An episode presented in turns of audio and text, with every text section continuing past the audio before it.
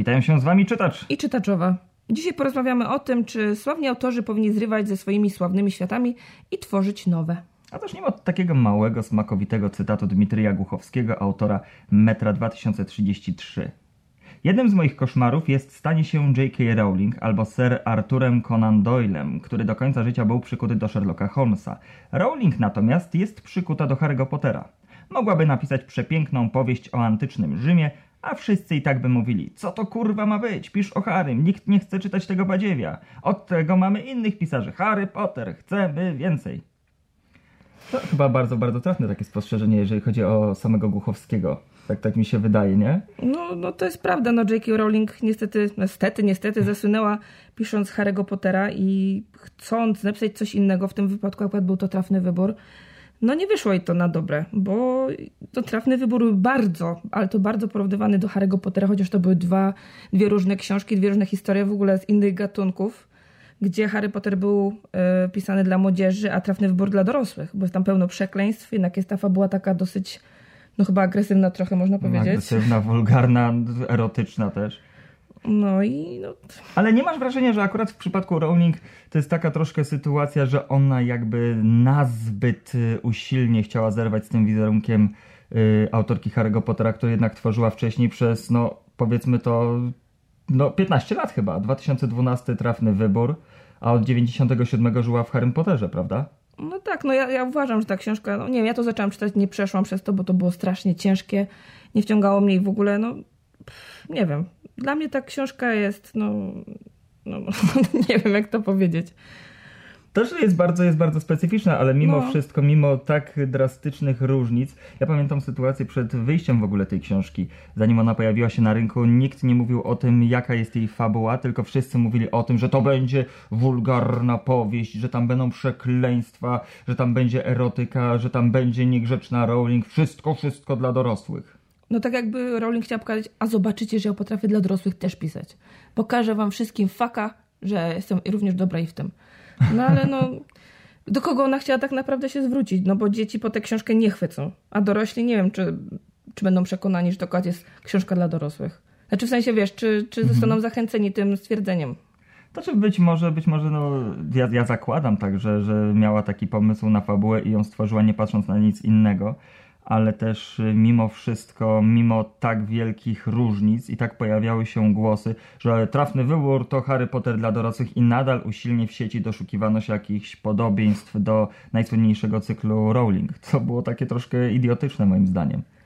No, no, no tak, no ale to, to już kiedyś wspominałeś, gdyby chociażby Kama Sutry napisała, to też by się doszukiwali porównań do Harry'ego Pottera. A na pewno, na pewno, na pewno by tak było. Ale faktem jest, że do czasu, kiedy Rowling była tylko i wyłącznie autorką Harry'ego Pottera, wszyscy uwielbiali Rowling. W momencie, kiedy powstał trafny wybór, kiedy ona się w jakimś stopniu y, oderwała od tej swojej najsłynniejszej książki, to takie wrażenie odnoszę, że ten balonik pękł i nagle okazało się, że ludzie nie kochają J.K. Rowling, tylko po prostu Harry'ego Pottera. Ale ja na przykład na swoim przykładzie powiem. Mnie Rowling zawsze koło nosa latała. Kto mnie obchodzi, kto to napisał? Mnie obchodzi sama historia, ci bohaterzy, tak? Bohaterowie. A nie tam autor tam. A ja, a ja właśnie przyciągam się do autorów bardziej. Zanim, Nie, zanim gdzieś ja tam nie. do książki się przywiążę, to no, ma wpływ na moje wybory czytelnicze to, kto coś napisał. Jeżeli słyszę teraz nazwisko Głuchowski, to sięgam po wszystko, nie zastanawiam się, co to za gatunek, co to jest. No ostatnio Głuchowski Outpost, pierwszy wysłuchany przeze mnie w życiu audiobook, który pochłonąłem, bo to był Głuchowski i nieważne w jakiej formie. No dobrze, ale się to dla już, mnie nazwisko. ale już miałeś autora. jakieś doświadczenie, tak? Jakieś e, oczekiwania wobec autora i tak dalej. Ale jak powiedzmy, to jest jakiś nowy autor, tak jak Rowling była znana tylko z Harry'ego. No ale siedem książek mimo wszystko. No To dobrze, siedem książek ale, to, książek, ale to jest cały czas jedna i ta sama historia. No, można jeszcze powiedzieć, że Rowling potem próbowała troszkę się jakoś odbić od tego i wydała kryminały o Kormoranie Strajku pod pseudonimem Roberta Galbraitha. No tutaj nie będziemy polemizować e, na temat e, sposobu, w jaki wyciekła jej tożsamość i w jaki zostało ujawnione, że No. Galbraith to Rowling, Celowo, niecelowo. ale faktem jest, że jednak te kryminały wydane nie pod nazwiskiem Rowling y, sprzedawały się słabo, mimo że potem, kiedy już to nazwisko zostało ujawnione, wszyscy podkreślali, o, bestseller, bestseller, bestseller. Tymczasem tam się sprzedało tych kryminałów, nie wiem, około 3-4 tysięcy kopii No to tyle, ile u nas Co- standardowo jest wydawane. Co nawet, co nawet w Polsce na warunki polskie nie, nie byłoby bestsellerem, tak? No ale co, no musieli powiedzieć, tak? Że to bestseller, że może się lepiej sprzedawało, jak, się, jak ktoś usłyszy, że to jest bestseller. No w końcu Rowling. A skoro już jesteśmy na polskim podwórku, Andrzej Sapkowski, y, autor słynnego Wiedźmina, którego kochają no, tłumy, całe, calusieńkie tłumy, trylogia husycka, która również jest kochana, opowiadania kochane i nagle mamy Żmiję, gdzie autor odnosi się do... No, opowiada jakąś tam historię z Afganistanu, y, bardziej taka no, przyziemna opowieść i nagle ta książka zebrała jednak więcej niepochlebnych opinii. No, to, no ale to ch- chyba Sapkowski cierpi na to samo co Rowling. Że ludzie pokochali daną historię.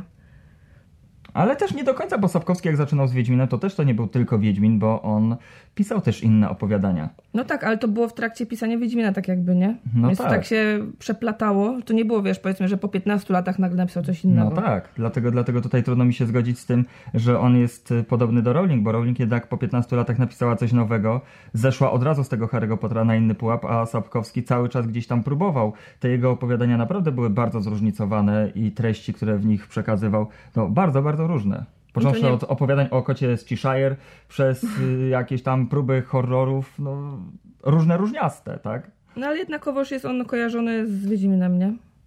No jest. I No, jakoś tak dziwnie, jakby teraz napisał, nie wiem, cokolwiek innego. To jest takie troszkę przekleństwo znanego autora. Przekleństwo, z którym y, no, nie borykają się autorzy mniej znani, czy też takich tekstów, które są mniej popularne. No tutaj przykład Marta Kisiel, Martyna Raduchowska. No, Marta Kisiel, autorka śmieszniutkiego dożywocia, nomen omen, a większą popularność zdobyła dopiero kiedy y, zaczęła uderzać w takie poważniejsze klimaty. Z powieścią Toń, czy Oczami Urocznymi, y, czy zbiorkiem opowiadań Pierwsze Słowo. No bo chyba jednak komediowe takie i książki, nawet chociażby filmy mają taki no niewielki e, rynek odbiorców. Rynek odbiorców? Dobrze to brzmi? No wiesz o co chodzi, że odbiorców. mniej ludzi lubi powiedzmy typowo komedię, aniżeli powiedzmy jakieś tam obyczajówki albo kryminały. Ale jednak zobacz, jaka tutaj jest dysproporcja. Bo z jednej strony Kisiel, która pisała śmieszniutkie opowiastki yy, i zebrała swoje grono czytelników, yy, to grono nie ma nic przeciwko temu, żeby, żeby stworzyła coś praktycznie innego, tak? Żeby stworzyła coś nowego, oderwała się od tamtych światów, od tamtego stylu troszkę i zaczęła tworzyć w innej tonacji. W przypadku Rowling, wydaje mi się, to byłoby nie do przejścia. No. Także tutaj zaletą na pewno jest to, że autor mniej znany, nie będący jakimś mega bestsellerowym pisarzem, jednak może sobie pozwolić na więcej. No bo w sumie aż takiego grona odbiorców nie ma, którzy aż tak by pokochali daną historię, bo tu w sumie na dożywocie i nomen omen to chyba są różne historie, nie? Różne historie, No, ale więc- ton podobny. No podobny, ale tu chodzi o, o daną historię, dane grupy postaci, że tak powiem. Są dwie różne, więc to aż takie przyciąganie do jednej historii nie istnieje, tak? No ale mimo wszystko zawsze gatunkowo jakieś, jakieś jest takie przywiązanie, bo Czy ja teraz, wiem? bo teraz zobacz jak, y, z kim, z jakim autorem, z jakimi gatunkami kojarzy ci się Remigiusz Mróz. Kryminał, kryminał, kryminał. Tymczasem Mróz to też jest pisarz, który nie stroni od science fiction i nie boi się tego, tak? Ale już te książki science fiction są bardziej gdzieś tam y, wskazywane palcami jako coś odbiegające od normy. No nie wiem, w każdym razie no ja Marty Kisiel nigdy nie kojarzyłem jako autorki śmiesznych książek. Bo nigdy nie czytałaś jej książek. No dobrze, ale znałam samą Martę Kisiel, tak, dzięki tobie, dzięki tam no, targom książki i tak dalej. Ja widziałam jej osobę, ale jakoś tak mi, nie wiem, no, ona nie utkwiła w głowie jako autorka, tak jak mówiłam, śmiesznych książek. A co się tyczy w ogóle różnych gatunków, mieszania gatunkami, Martyna Raduchowska bardzo dobrze sobie na tym polu radzi. Tak, szamanka tumerlaków i łzy Maj, na przykład w moim przypadku ja szamanki, no nie wiem, nie wiem dlaczego nie mogę przebrnąć. Zaczęłam czytać, chyba około 100 stron przeczytałam, jakoś no nie jestem w stanie przejść, a łzy Maj łyknęłam raz i dwa. Ale Po zobacz, prostu. w tym coś jest takiego, że jeżeli masz autora, który tworzy w różnych gatunkach, on jest w stanie zbudować sobie różne grupy odbiorców. Odnoszę osobiście wrażenie, że w przypadku y, takiego autora jak Rowling y, nie ma takiej opcji. Że jednak ona jest, jest już tak zdefiniowana, tak mocno zaszufladkowana przez ogół, że cokolwiek by nie napisała, zawsze pozostanie autorką Harry'ego Pottera, zawsze pozostanie autorką y, książeczki dla dzieci. Cokolwiek tak. by nie stworzyła. Za długo to trwało i za dużo wokół tego się działo, to było na skalę światową. To też jeszcze na jej niekorzyść działało. No tak, fenomen, fenomen światowy, setki milionów sprzedanych egzemplarzy, co musiało się w taki czy inny sposób odbić. Ale teraz wyobraźmy sobie, mamy to porównanie, no to jest może głupie porównanie na swój sposób, Rowling y, czy Marta Kisiel, ale no, nie wyobrażam sobie, jak, jak musiałaby teraz pisać Rowling, co musiałaby zrobić, żeby móc sobie pozwolić na taką swobodę twórczą. No chyba, chyba taką samą sensacją, no podobną sensacją byłoby, gdyby Sapkowski nagle ogłosił, że napisze romans. No, ale jakoś nie wyobrażam sobie, że mógł romans napisać. A wyobrażałaś sobie za czasów Harry'ego Pottera, że Rowling będzie pisała o chłopcu, który dostaje wzwodu w autobusie? Wyobrażałaś to sobie? O, nie bardzo. No właśnie, wszystko jest możliwe. No pewnie, że tak. Ale jeszcze jest taka jedna prawidłowość, która się tutaj mm, wybija. To jest fakt, że może nie pojedyncza książka, ale cykl sprawia, że ktoś staje się więźniem, że autor staje się więźniem historii. No tak, no tak jak ja wcześniej mówiłam, to może to kwestia tego właśnie tych wielu lat. Na przestrzeni tych wielu lat było wydawanych wiele książek, że tak powiem, w tym samym uniwersum, w, tym sam, w tej, samej, tej samej historii. No to, no to, to jest to samo, nie? No tak. tak.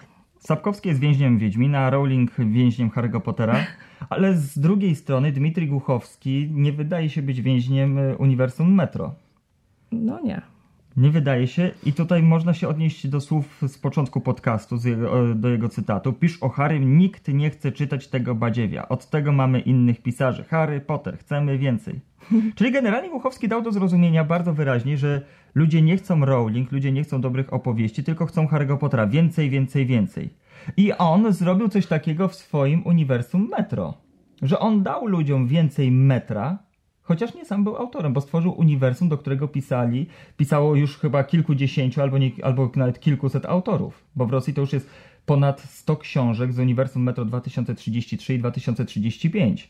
No, no ich apetyt został mm, zaspokojony. zaspokojony. No niekoniecznie dzięki niemu, ale chodziło o sam klimat, sam, sam świat, tak? Ale jak najbardziej dzięki niemu, dzięki temu, że Głuchowski otworzył to swoje Tak, ale uniwersum. chodzi mi o to, że to nie on był autorem tych wszystkich książek. On napisał swoją trylogię, a po prostu reszta autorów z całego świata mogła dodać coś od siebie. I to oni, że tak powiedzmy, mówiłeś, zaspokajali apetyt y, czytelników. No i wtedy, kiedy, kiedy inni tworzyli jego robotę, tak naprawdę on mógł zająć się czymś innym. Zresztą w ogóle Głuchowski to jest taka ciekawa postać, bo on nigdy nie był, nie, nie był przywiązany do jednego cyklu, bo nawet kiedy tworzył Metro, y, nie tworzył tego ciągiem, bo po 2033 napisał Czas Zmierzchu. Zupełnie inną książkę. Połączenie romantyzmu, czasów hiszpańskiej konkwisty z romantyzmem moskiewskim. Później było Future, niesamowita wizja przyszłości i tekst y, bardzo realny kryminał. Z kolei Witajcie w Rosji to bardzo silnie nacechowane politycznie opowiadania traktujące o ojczyźnie pisarza, o samej Rosji. I nawet Outpost jako postapokalipsa jest zupełnie inne od, y, od metra. On nigdy się nie bał zabawy gatunkami, nie bał się przeskakiwać z tego kwiatka na kwiatek, powiedzmy. No tak, no właśnie dzięki temu, że otworzył świat metra. No i tutaj jeszcze takie podkreślenie na koniec, to jest oczywiście fakt, te, koniec historii Głuchowskiego, że to nawet nie Metro było pierwszą zekranizowaną książką Głuchowskiego, tylko tekst. No właśnie, to po ilu latach? No tekst, no nie, nie po jakoś wielu latach, bo tekst kiedy wyszedł? W 2017? Ale w sensie od początku jego, że tak powiem, kariery pisarskiej, tak? Po tylu latach. No tak, ale to, też, a to też wynika z tego, że Głuchowski nie zgodził się zrobić badziewnej ekranizacji, bo mieli Amerykanie zrobić ekranizację Metra, ale kiedy Głuchowski dowiedział się po latach, że oni planują przenieść akcję do Stanów, to stwierdził, sorry, zabieram prawa z powrotem, gońcie się i teraz ma powstać ekranizacja Metra ale już rosyjska ekranizacja, która bodaj w 2021 ma, ma trafić przynajmniej do rosyjskich kin. No tak? dobrze zrobił, bo to cały klimat to właśnie ten rosyjski klimat, tak? No nie mogli nagle sobie kontynentu zmienić, w ogóle mentalności całej i całej tej otoczki, która właściwie budowała cały ten świat. To byłoby no, dziwne. No tak. I można powiedzieć w ogóle, Głuchowski wygrał tym, że otworzył swój świat. Ale czy inni autorzy też by wygrali według Ciebie, gdyby świat otworzyli, gdyby Rowling otworzyła uniwersum Harry'ego Pottera, powiedziała twórzcie, stwórzmy razem jakiś wielki projekt światowy? A kto to wie? Może i by tak było. No ale jakie Tego... jest Twoje wrażenie? Czy Ty Patrząc... byś czytała jako czytelnik?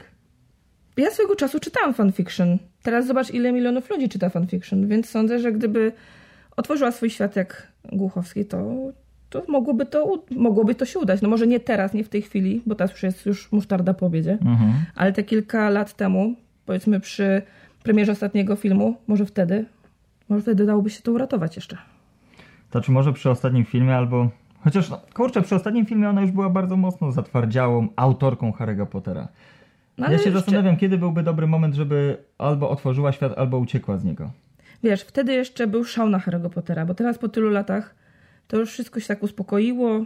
Już wszyscy, co byli, którzy byli fanami Harry'ego, już wyrośli z tego w większości zapewne. A wtedy to jeszcze chyba był ten czas, żeby jeszcze podtrzymywać to, cały czas podsycać, cały czas dawać, wiesz, nową, e, nową papkę do żarcia. To czy mnie się wydaje, że ona miałaby szansę tylko wtedy, gdyby pomiędzy poszczególnymi tomami Pottera tworzyła jakieś inne książki. Gdyby trafny wybór wyszedł gdzieś powiedzmy w granicach publikacji Czary Ognia, gdyby wtedy zaczęła już oswajać ludzi ze swoją osobą pisarza bardziej wszechstronnego, a nie tylko zamkniętego na jedno uniwersum, wydaje mi się, że tylko wtedy miałaby szansę, żeby troszkę z tej szuflady się wyrwać. Bo ta szufladka się coraz bardziej domykała, domykała, aż w końcu okazało się, że została zamknięta i zaklejona kropelką. Cokolwiek by nie napisała, to co kropelka sklei, sklei, żadna siła nie rozklei.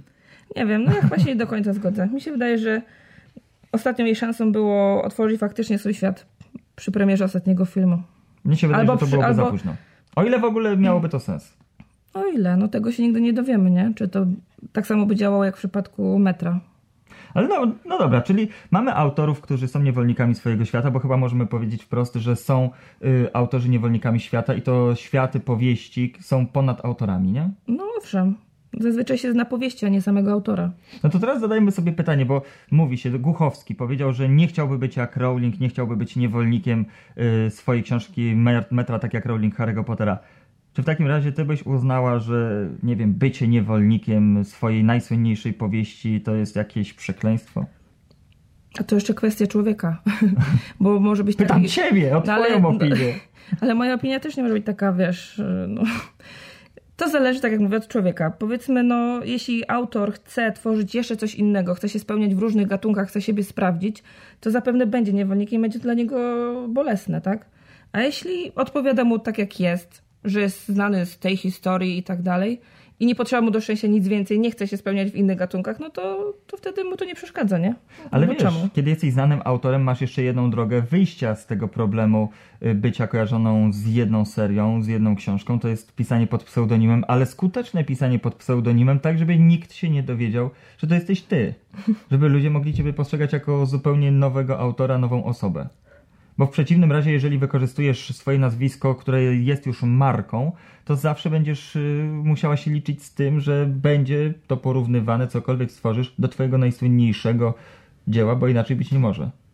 No tak, ale czy tak naprawdę te nowe dzieła, powiedzmy Rowling, są porównywane przez ludzi, e, znaczy kupowane i porównywane tylko przez ludzi i fanów, powiedzmy Harry'ego Pottera w jej przypadku? Nie, Mo- bo zawsze się znajdzie jakiś nowy odbiorca, któremu to będzie latało, czy ona wcześniej pisała Harry'ego Pottera, czy nie. Ale zauważ, że tych nowych odbiorców jest dużo, dużo mniej. W przypadku trafnego wyboru czy, czy kryminałów o strajku nie można mówić o jakimś sukcesie. Ja nie wiem, czy strajk w Polsce się sprzedaje lepiej niż mróz. Więc yy, no, wydaje mi się, że to jest takie małe porównanie. No nie wiem, może akurat to jest, jej, jej przykład jest złym przykładem. Bo jednak ona to jest strasznie, tak najbardziej chyba określoną osobą. Dlatego, dlatego dotknęliśmy właśnie Rowling w temacie tego podcastu, bo chyba nie ma bardziej skrajnego przypadku na świecie niż Rowling. No być może ludzie nie chcą kupować, bo wiedzą, że napisała Harego, nie? Dlatego tak, to, ja tak właśnie się zastanawiam, czy jakakolwiek treść, jakakolwiek jakość, choćby najwyższa, byłaby w stanie przyćmić dla niektórych to, że to jest autoreczka głupiutkiego Harry'ego Pottera. Nie wiem, dla nich chyba byłoby najlepiej faktycznie pisać pod pseudonimem i w Ale ogóle... skutecznie. Skutecznie, ale w sensie, że nawet próbować się nie zdradzać przed nad yy, wydawcą, że to ona. No tak. Nie, żeby znowu 15 osób wie, ale niby są umowami, wiesz, tutaj yy, uwiązani, a tak naprawdę to mają w dupie i wydają, tak? O ile to nie było ukartowane. Tego się nie dowiemy. Ale wiesz o co chodzi. Mhm. Żeby po prostu tylko ona i możliwe, że jej agent, żeby tylko wiedzieć, że to jest ona. I wtedy można byłoby wtedy rozpatrywać, czy to się może udać, czy nie. Znaczy ja w ogóle powiedziałbym, czy przekleństwem jest, jeżeli jesteś kojarzona z jednym cyklem. Wydaje mi się, że nie. Zależy, Bo jeżeli coś ci dało, cykl. jeżeli coś ci dało, a no to też, jeżeli dało ci sławę, pieniądze, godny byt, to czemu, czemu ma być przekleństwem, prawda? No niby tak. I też musimy się pogodzić z tym, że sława autora kiedyś się kończy, a zaczyna się sława historii. Chyba, że jest autor, który jest w stanie udźwignąć wiele różnych historii na podobnym poziomie i każdą z tych historii rozpalić czytelnika, rozkochać go w sobie, wtedy chyba to ma sens. Tylko No. i wyłącznie wtedy. No chyba tak. No tak, tyle od nas na dzisiaj. Mamy nadzieję, że Wam się ten podcast podobał. Trzymajcie się ciepło. Cześć. Cześć.